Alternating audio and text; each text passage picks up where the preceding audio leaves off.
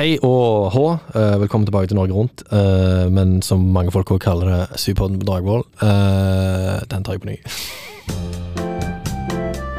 Hei og hallaisen, og velkommen tilbake til nok en flunkende ny episode her på Sypodden på Dragvoll. Eh, Jeg fikk litt kritikk for at jeg ikke hadde nok energi i den første introduksjonen min her, så jeg måtte ta inn på ny. Uh, Men dere kommer aldri til å høre hvor fantastisk egentlig den første var. Uh, Sånn det. Den involverte Norge rundt, det kan jeg si. Så det, det er viktig for meg at du har mye energi for metode, Alex. Ja, det forstår jeg. Uh, tydeligvis er det ikke gode analogier om Norge Rundt og Sypodden på Dragvoll nok. Det er nødt til å være trøkk på Dragvoll når vi skal ha en god introduksjon. Du, vi har gått gjennom del én. uh, eller vi regner med at kanskje dere har hørt på del én. Og der snakket vi om kvalitative forskningsmetoder. Tok spesielt eh, Simon med oss på din reise der, og Kjell, Simon og Kjell tok oss med det. Uh, men nå skal vi se på en veldig spesifikk metodologi først. som Skal si, eh, Kjell skal fortelle litt om GT, og så skal, senere skal vi se litt på tankesettet òg bak en mye kvalitativ forskning. Høres det riktig ut, Kjell? Jeg må se om jeg får et anerkjennende nod fra deg der. Ja, det høres bra ut. Høres bra ut. Veldig good. Uh, så i bunn og grunn så er det jo egentlig bare å hoppe i det. Så, Kjell, du skal snakke om GT. Ja. jeg, er, GT er jo en fryktelig god drink.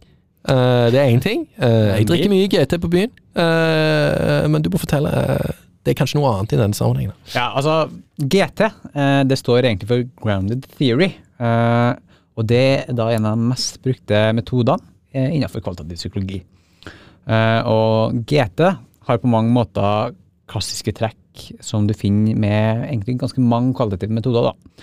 Eh, og eksempler på det her er f.eks. bruken av ustrukturerte intervju, transkribering og ja, bruk av memo og koding. Her tror jeg du må hjelpe oss litt med å forstå hva memoer og koding er i en sånn sammenheng. Ja, altså, Veldig lett så kan man si at uh, memoer er de første tankene vi danner oss når vi liksom driver og transkriberer dataene våre. Uh, og Hvis jeg f.eks. skulle transkribere denne podkasten, uh, som vil si at jeg skriver den ned på et ark, så ville jeg kanskje inne ha lagt inn memoet som at eh, han Simon virker som han har god peiling. Altså, Takk, Kjell. altså et, et memo er på mange måter bare liksom Det er eh, jævla hyggelig stemning her inne nå, gutta. ja, ja. Satan, så nice! Ja. Altså, memo er bare liksom tankene vi har om eh, det vi skriver ned. Ja. Eh, altså, en kode, eh, derimot, det er liksom ett eller noen få ord som egentlig beskriver hva setningen eller budskapet handler om, da. Så jeg kunne eksempel sagt uh, velkommen til Sypodden på, Dra på Dregvoll', og så kunne du hatt en memo ved siden av høy energi, åpenbart entusiastisk, Ja. gleder meg til resten. yes, introduksjon, altså. Ja. eller, eller så enkelt, ja. Ja, altså det, Introduksjon. er litt avhengig av hvordan man kikker på det. Ja, ok, men det er greit å ha et litt sånn der visuelt eksempel. Visuelt, faktisk. Det vet jeg ikke om det var. Et auditivt eksempel. Altså, altså noen koder eh, som jeg kunne hatt for denne podkasten, kunne f.eks. vært eh, kvalitativ forskning, eh, grounded theory, eh, banter, vits, juicy. Ja, du, juicy, faktisk. Satan, jeg sier så mye juicy for folk som irriterer seg over det. Så irriterer, jeg, jeg irriterer dypt over det sjøl når jeg driver og klipper. Det var faktisk en episode der jeg klippte vekk at jeg sa det, og sa noe annet inn. Ja. En eh, pre-editing uh, wizardry. Bruker at jeg sa det. Men ja, det, det, altså, det hadde jo gått igjen så mange ganger at det hadde kvalifisert en kode. Eh, veldig bra. Men det er vel mer vi må si om GT, utenom bare den kodingen. Ja, altså, Selv om GT har en sånn del typiske kvalitative trekk, så er det en del egenskaper med GT som skiller det fra andre kvalitative retninger. Altså, De to største eksemplene på det her er kanskje fokuset på danning av ny teori, eh, og det at analyseprosessen skjer samtidig som innsamlingsprosessen. Ok, Her sier vi mye vanskelige ting, så tenker vi at vi må gjøre dette litt lettere. Så du sier danning av teori, så må du nesten legge litt ord i munnen på meg her, men du, da mener du det bokstavelig, da? Ja, altså, GT skiller seg spesielt fra andre metoder, ja, nettopp i fokuset på denne danning av teori. Altså, De fleste kvalitative metodene er egentlig ikke særlig interessert i å danne sånne generelle teorier. Uh, altså, En del andre kvalitative metoder, litt sånn som Simon snakka om i del én, Må ikke høre på del én, folkens. ja, altså, har, har et sånt syn på verden som uh, egentlig tilsier at det ikke er en sånn objektiv sannhet som vi har tilgang til. Altså, verden er relativ.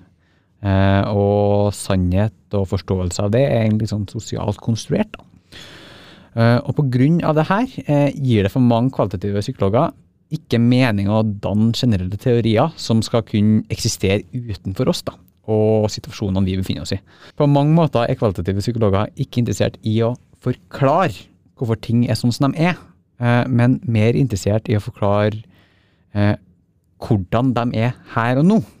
Og heller beskrive dem på en god måte i en spesifikk situasjon. da. Jeg har et annet eksempel som kan være litt greit å vite, altså sånn i forhold til GT. og sånn, det, nå, nå beveger jeg meg litt ut fra pensum, men det kan kanskje hjelpe noen. Men det er det at eh, når dette først begynte å hitte litt da, på 50-60-tallet, eller til og med litt før, så var det en sosiolog som kom med dette. Nå skal jeg ikke begynne å introdusere masse unødvendige fakta for dere når dere går førsteklassemetode, men det skal dere ha litt om senere, eventuelt når dere har kvalitativ. Men hvis det var i dette tilfellet så ble det brukt, da, klassisk GT, f.eks. til å finne noe ut om veldig spesifikke grupper man ikke visste noe om. Ta f.eks. utgangspunkt i aids-epidemien, da. Når folk fikk aids. Og man skjønte ikke helt i starten hva er dette miljøet der folk får aids, og hva, hvordan opplever folk det å ha aids? Visste ingenting, veldig nytt fenomen. Og da sier du dette om å danne ny teori, ikke sant? Og dette her er et sånt eksempel der kvalitativ forskning f.eks. kan være veldig behjelpende i å beskrive nyansene i ting som på en måte har oppstått, som man ikke helt vet så mye om ennå. Og et annet eksempel kan være covid. Covid og når studenter havner i lockdown. Hva syns studenter om å havne i lockdown? Ingen som hadde vært det før. Og det trenger ikke bare være studenter engang, det kan være voksne folk generelt i lockdown kunne f.eks. en sånn fremgangsmåte vært behjelpende til å danne nye teorier. Nå, nå, nå, er det liv i studio her, nå er det mange som rekker opp hånda, for nå er jeg så Enten så er jeg et geni, eller så er jeg en idiot. Så vi begynner med Kjell, da. Han rakk opp hånda først. Ja, altså, du er innpå noe veldig Jeg er innpå noe! Da klipper vi med det der! Og... Nei. Ja, du er innpå noe veldig viktig. Altså, litt sånn som vi nevnte i del 1. Uh, hint, hint. ja. Hør faen på del 1, da. Ja. så, så handler det er ikke om at eh, kvalitativ og kvantitativ er enten bedre eller verre enn hverandre. Altså, det handler om at det er forskjellige verktøy. Og GT er et veldig godt eksempel på at uh, altså GT ble ofte brukt til at man kan ha teorier som man senere kan utforske med kvantitativ forskning òg. Altså, det er et sånt samarbeid. Absolutt. Og det heter jo til og med grounded theory. Og det skal liksom være, eh, og med det, for å beskrive det veldig muntlig Si hvis du har eh, tatt et intervju da, med syv-åtte mennesker, la oss bruke aids-epidemien igjen da, som et eksempel. Du har brukt lang tid på å ha én til to timer uh, intervju med hvordan det føles å ha aids i say, Michigan. da. Altså Det er første gang du har snakket med noen pasienter. Du har begynt å få åtte-ni gode, lange avdrag fra de, og så begynner du å oppleve hva de Ok, det er en del elementer som går igjen når du tar og transkriberer og lager noen koder da, til den teksten. Kanskje sier alle sammen at de, de føler skam, de føler frykt. De vet ikke hva de skal føle, de forstår ikke helt hva det er for noe. Man begynner å danne et bilde, og denne teorien skal da være grounded i teksten. Og det med at Jeg tror faktisk folk er nødt til å forstå veldig muntlig hva som menes med å danne nye teorier. For det er jo i prinsippet det man gjør. sant? Man lager jo ting som ikke eksisterer. Man vet ikke helt ennå hva f.eks. disse aids-pasientene tenker ennå om det å ha det, og, og, det å få det. Og litt sånn hva som ligger i det. Uh, hva tenker Du Du òg hadde jo en ting du ville nevne her, Simon? Ja, jeg bare tenkte at du skal ta enda en sånn kobling til, til forrige podkast, det med kvalitative forskningsmetoder og sånne ting.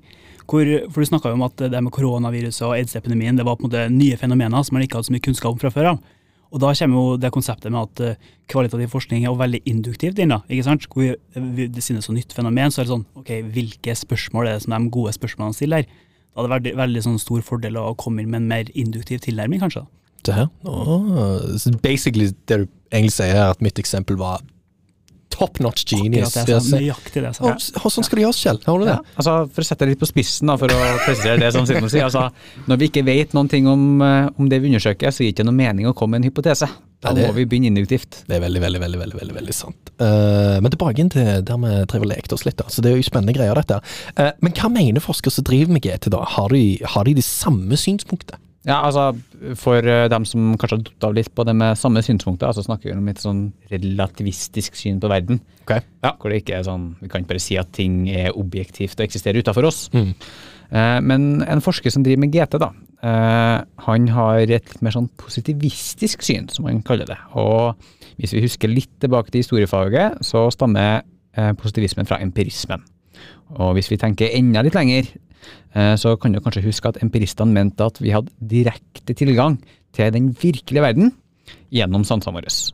Eh, og positivismen tar det punktet her litt lenger, og sier at derfor, eh, siden vi har tilgang til verden gjennom sansene våre, kan vi ha tilgang til objektive sannheter om verden. Altså De tror derfor at vi kan si noe om verden, og finne teorier som forklarer hvordan den virkelige verden fungerer, uavhengig av oss. Som er objektive sannheter, så mener du, mener du to streker, da? Eller eh, sånn type menneskelig atferd, liksom? Eller hva tenker du det? Ja, altså, Det er sjelden sånn at vi kan sette to streker under svaret, i hvert fall i psykologien. Eh, og vi kan nok heller ikke det i dette tilfellet. Altså, Det gir mer mening å si at en grounded theory-forsker eh, ville ha ment at det finnes en objektiv verden som vi til en viss grad da, har tilgang til og kan undersøke og potensielt forstå. Eh, men det betyr derimot ikke at det er en lett oppgave. Altså, det er på mange måter teoretisk mulig, men i praktisk umulig å kunne si noe med 100 sikkerhet. Eh, ettersom det alltid kan være noe som liksom påvirker forskningen vår, da. Eh, og hvordan vi tolker den. En GT-forsker ville nok heller argumentert med at vi i det minste burde ha prøv. Ja.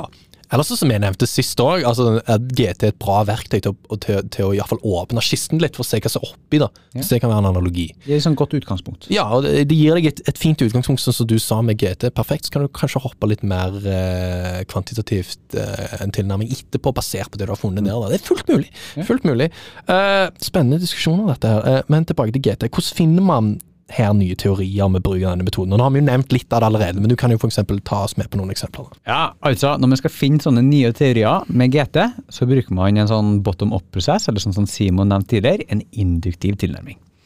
Eh, og det her skiller seg jo fra det bruken av den hypotetiske deduktivmetoden, som man ofte bruker i den kvantitative for forskninga. Eh, I stedet for å teste en hypotese, da, så vil, en, eh, vil man i GT lete etter en teori som befinner seg inn i dataen. Eh, og hvis dette gjøres på rett måte, vil man kunne finne en sånn grounded teori, som kun kommer fra dataene i studien, og ikke liksom fra sånn utenfra kunnskap som jeg har med meg inn. da. Eh, og For å gi et eksempel på det her, så kan vi tenke oss at vi gjør en kvalitativ studie på pingviner. Eh, før vi går inn i forsøket, vil vi ikke ha noe særlig kunnskap om pingviner. Utenom at vi vet at de er en sånn slags type fugl. Hvis jeg hadde brukt en deduktiv metode, så ville jeg kanskje forvente at de fløy, ettersom de er fugler. Eh, og hvis jeg da antok at de ville fly, så ville jeg hele tida vært på jakt etter å finne pingviner som flyr. Eh, men så vidt jeg vet, så ville det her vært litt bortkasta tid, ettersom eh, pingviner ikke kan fly. Eh, men da står jeg her ute på Antarktis og stirrer opp på himmelen, og så plutselig er det liksom noe som skjer i sidesynet mitt, altså noe svart som kommer forbi. En flygende fugl er et eller annet. Eh, og da konkluderer jeg med en gang yes, pingviner de kan fly. Eh, men da ville det vært sånn at jeg har egentlig lurt meg sjøl, og endte opp med en teori som ikke stamma fra data, men liksom stamma fra mitt eget hode. For det som egentlig skjedde, var at det var bare en sånn eh, arktisk kråke som eh, fløy forbi. I dette tilfellet så har jeg definitivt at den tidligere kunnskapen min form tolkninga mi av observasjonene mine. Altså, det her er jo det GT-forskere prøver å unngå. Altså, Det en GT-forsker i stad ville ha prøvd å gjort, ville ha vært å forkaste tankene sine om hva pingviner egentlig er, og hva vi tror de kan gjøre. Altså En GT-forsker ville ha kun fokusert på å prøve å følge med på hva pingvinene gjør der de er på bakken. ikke sant? Altså, Jeg vil ikke ha sett etter pingviner i himmelen, for at jeg ser at pingvinene er på bakken. Og Da ville jeg sett hva de gjorde. Eh, og så etterpå så ville jeg laga en teori som ville ha konkludert med at pingvinene er bakkevesen, ettersom man ikke har funnet noe håndfast som tyder på at han kan fly. Altså Det har ikke vært en sånn problemstilling engang. Altså, eh, hvis du spør meg altså, ja, hvorfor flyr ikke pingviner, så er det sånn øh, Jeg vet ikke, jeg har ikke altså, De flyr ikke, det er bare sånn det er. På denne måten da, så stammer teorien vår kun fra den dataen jeg har observert, og det er liksom ikke noe som jeg har konstruert på bakgrunn av tidligere antakelser og hypoteser. Er det lett, tror du? Gå inn i en, eh, og på en måte forkaste tidligere kunnskap og være helt fri i sånne prosesser? Eh, nei, uh, og det er litt sånn som vi snakka om her med to streker under svaret. Altså, en, ingen GT-forsker ville ha sagt at det er lett, og uh, ja. Mm. Nå skal Men- vi igjen ikke bevege oss for langt ut fra pensum, da. det er jo liksom veldig viktig. Men det er sånn, det kan jo være en ting dere kan tenke litt på sjøl òg, da når dere hører på. Ja. Altså sånn, ja, hvis man skal da ta enten om det er pingviner, eller om det er en veldig spesifikk gruppe du er interessert i å finne mer eh, ut om, så tar det jo med deg en slags antakelse om eh, menneskelig atferd. Si at du er sosiolog og skal liksom bruke GT, så har det jo med deg et perspektiv fra sosiologien, da, muligens. Det er jo umulig å på en måte se vekk ifra det, da, kanskje. Uh, ja, det her er da et enkelt spørsmål om man klarer å nå det man kaller for epoché. Det var fancy. i kvalitativ forskning, og det er liksom det at man eh, klarer å skille seg, liksom distansere seg fra det man, sine forutinntagelser, da. Mhm.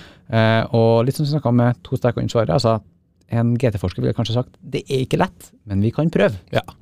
Men det er iallfall en fin ting å tenke litt på når man skal eventuelt utdype litt, da, hvis man plutselig havner i den situasjonen på eksamen. Jeg ser uh, Kjell var veldig fornøyd når han fikk dratt inn Epoché der. Det var, det var et lite sånn Hva tenker du, Simon? Det var et Jeg syns moment det for han. var rett og slett litt slemt, for det er det jeg skal snakke om etterpå. Så det Åh! stjar eh, Ja, det blir liksom ikke like imponerende når han Det gjør det. bare på tur der, du tar det det blir ikke like imponerende når Simon gjør det en gang til etterpå her, da. Men eh, ok, eh, så nå har vi kanskje et lite bilde da som beskriver hva GT er konseptuelt. Som videre så trenger vi kanskje en liten innføring i hvordan dette fungerer litt mer i praksis. da. Så kan du ta oss gjennom denne prosessen.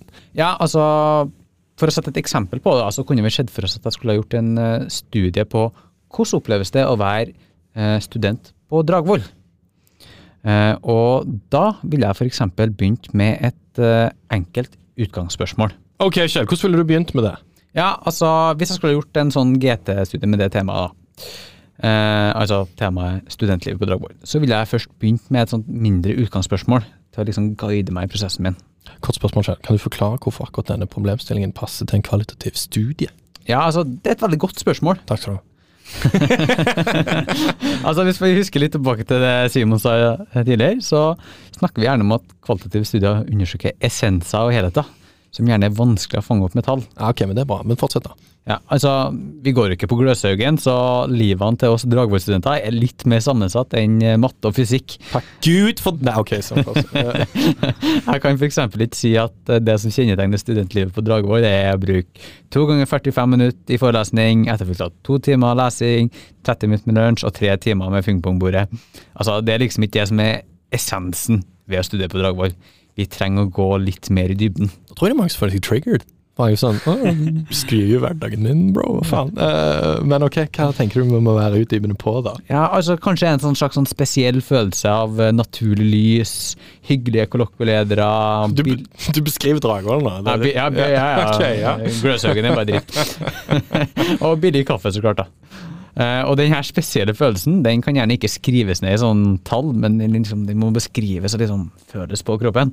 Ja, ok, Så det høres ut som du har hatt mye tid til å reflektere litt over livet på Dragvoll. Ja, altså Man har god tid til å drømme seg bort i digitale Zoom-forelesninger. Jeg tror faktisk òg at vi har en helt knagende god episode fra The Early Days av uh, Sypon på Dragvoll, der vi snakker litt om det å være på Dragvoll.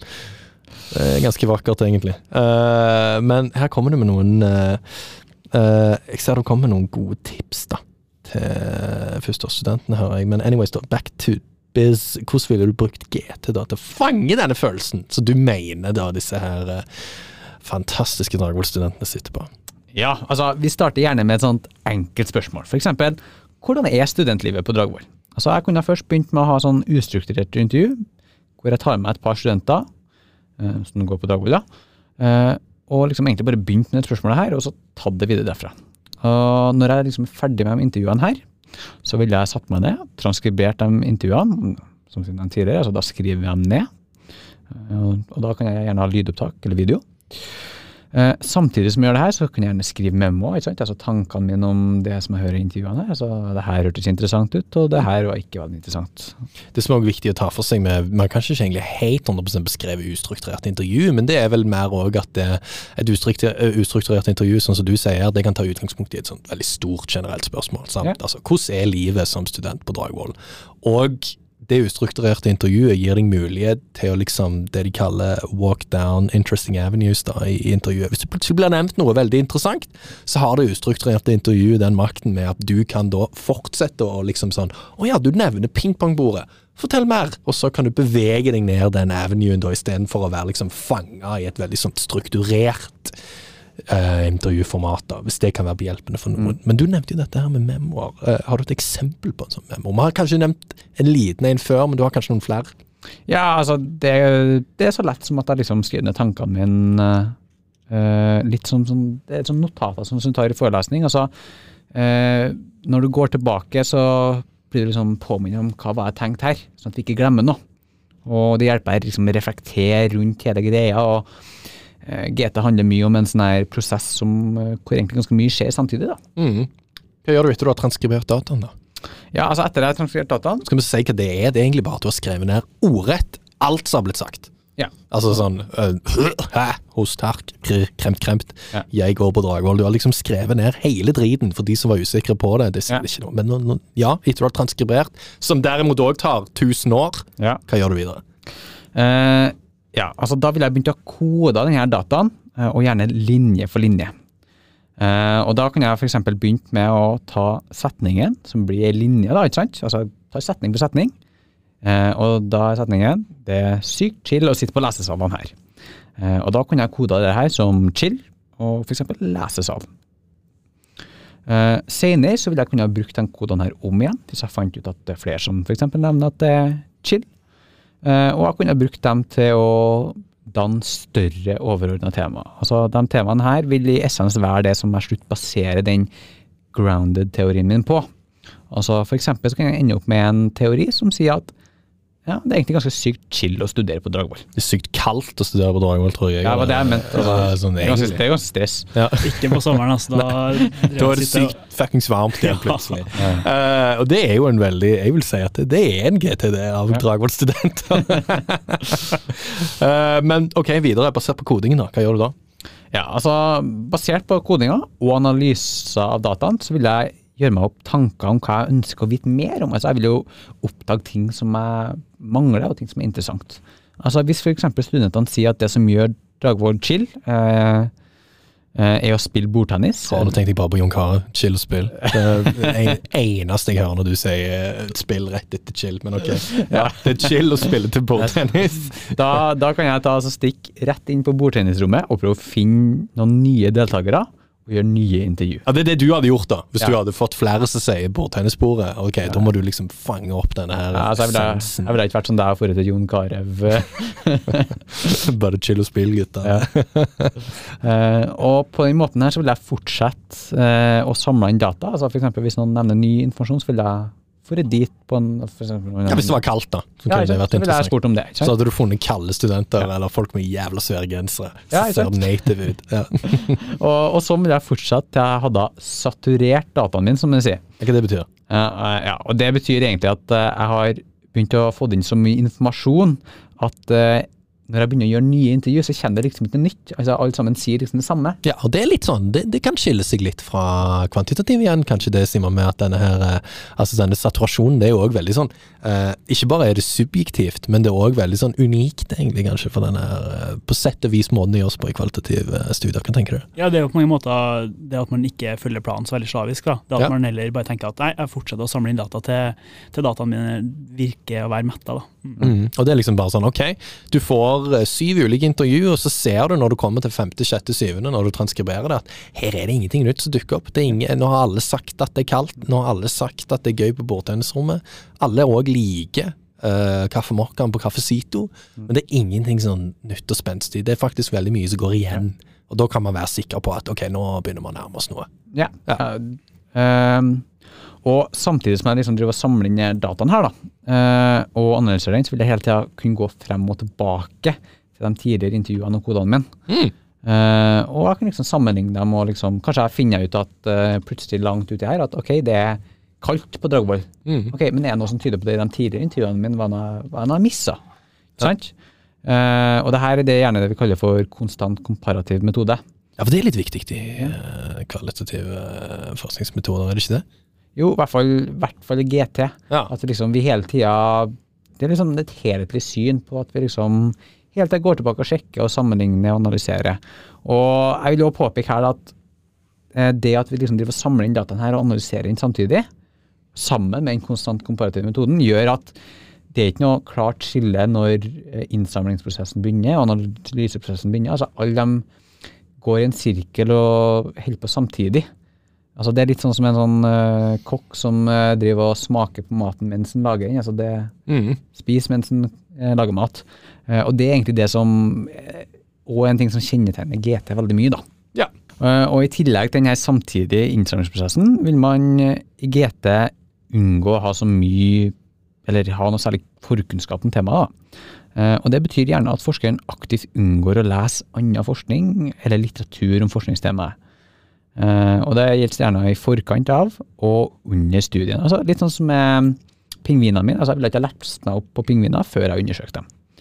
Uh, og hele poenget med dette er å hindre forskerne å bruke den tidligere kunnskapen til å forme og konstruere teorien. Altså teorien er noe vi vil skal være grounded i dataen, eller noe vi skal oppdage, ikke konstruere av oss sjøl. Det er jo veldig viktig når du skal sitte og lage koder, og på en Ja. måte at du prøver så godt du kan å holde deg så objektivt som mulig til dataen. Og man, en GT-forsker ville ha tenkt at dette hjelper oss nå er på skje. da. Hvis vi liksom har mindre kunnskap, så er det mindre kunnskap å distansere seg fra. Ja, men så nevnte jeg jo òg at dette er definitivt et punkt det går an å diskutere. Hvor flink, hvor eh, Altså sånn, man er jo tross alt en trent forsker, så hvor, eh, hvor effektivt klarer man faktisk Ja. å unngå å ta med ting inn i den prosessen? Men det, igjen, beveger vi oss ut fra det som er tre sider i boka. Men eh, du, kort, skal du oppsummere litt på slutten? Veldig kort så kan vi egentlig si at GT har eh, mange likhetstrekk med andre kvalitative metoder, men skiller seg spesielt eh, gjennom to trekk. Altså én, GT har et fokus på generering av nye teorier. Og to, GT har en prosess hvor datainnsamling, transkribering, koding og analyse foregår i en sånn sirkulær og samtidig prosess. Altså litt sånn, litt sånn saus. Ja! Har du Sånn noe du vil juicy. Ja, du, har du noe du vil tilegne denne pizzabollen, Nei, jeg Simon? syns du var veldig flink, Kjell. Det høres veldig bra ut. tusen takk. Vibes, vibes i rommet. Eh, veldig good. Eh, jeg tenker vi tar og kutter det, og så skal Simon, du skal du gi et lite hint på hva du skal fortelle i neste episode. Det blir om kvalitativ forskning og fortsettelse på fenomenologi. Det, er, det, var det sexy nok? Tror du folk liksom hopper videre? Hvorfor er det viktig å kunne til eksamen? Fordi det er et veldig fint eksempel på en kvalitativ forskning som du kan dra inn på mange oppgaver. Ja, Ja. Og i historie. Altså Ja, sånn i sant. altså, altså sånn. Mm. snacks. Sant? Snacks, faktisk. ok, heng med!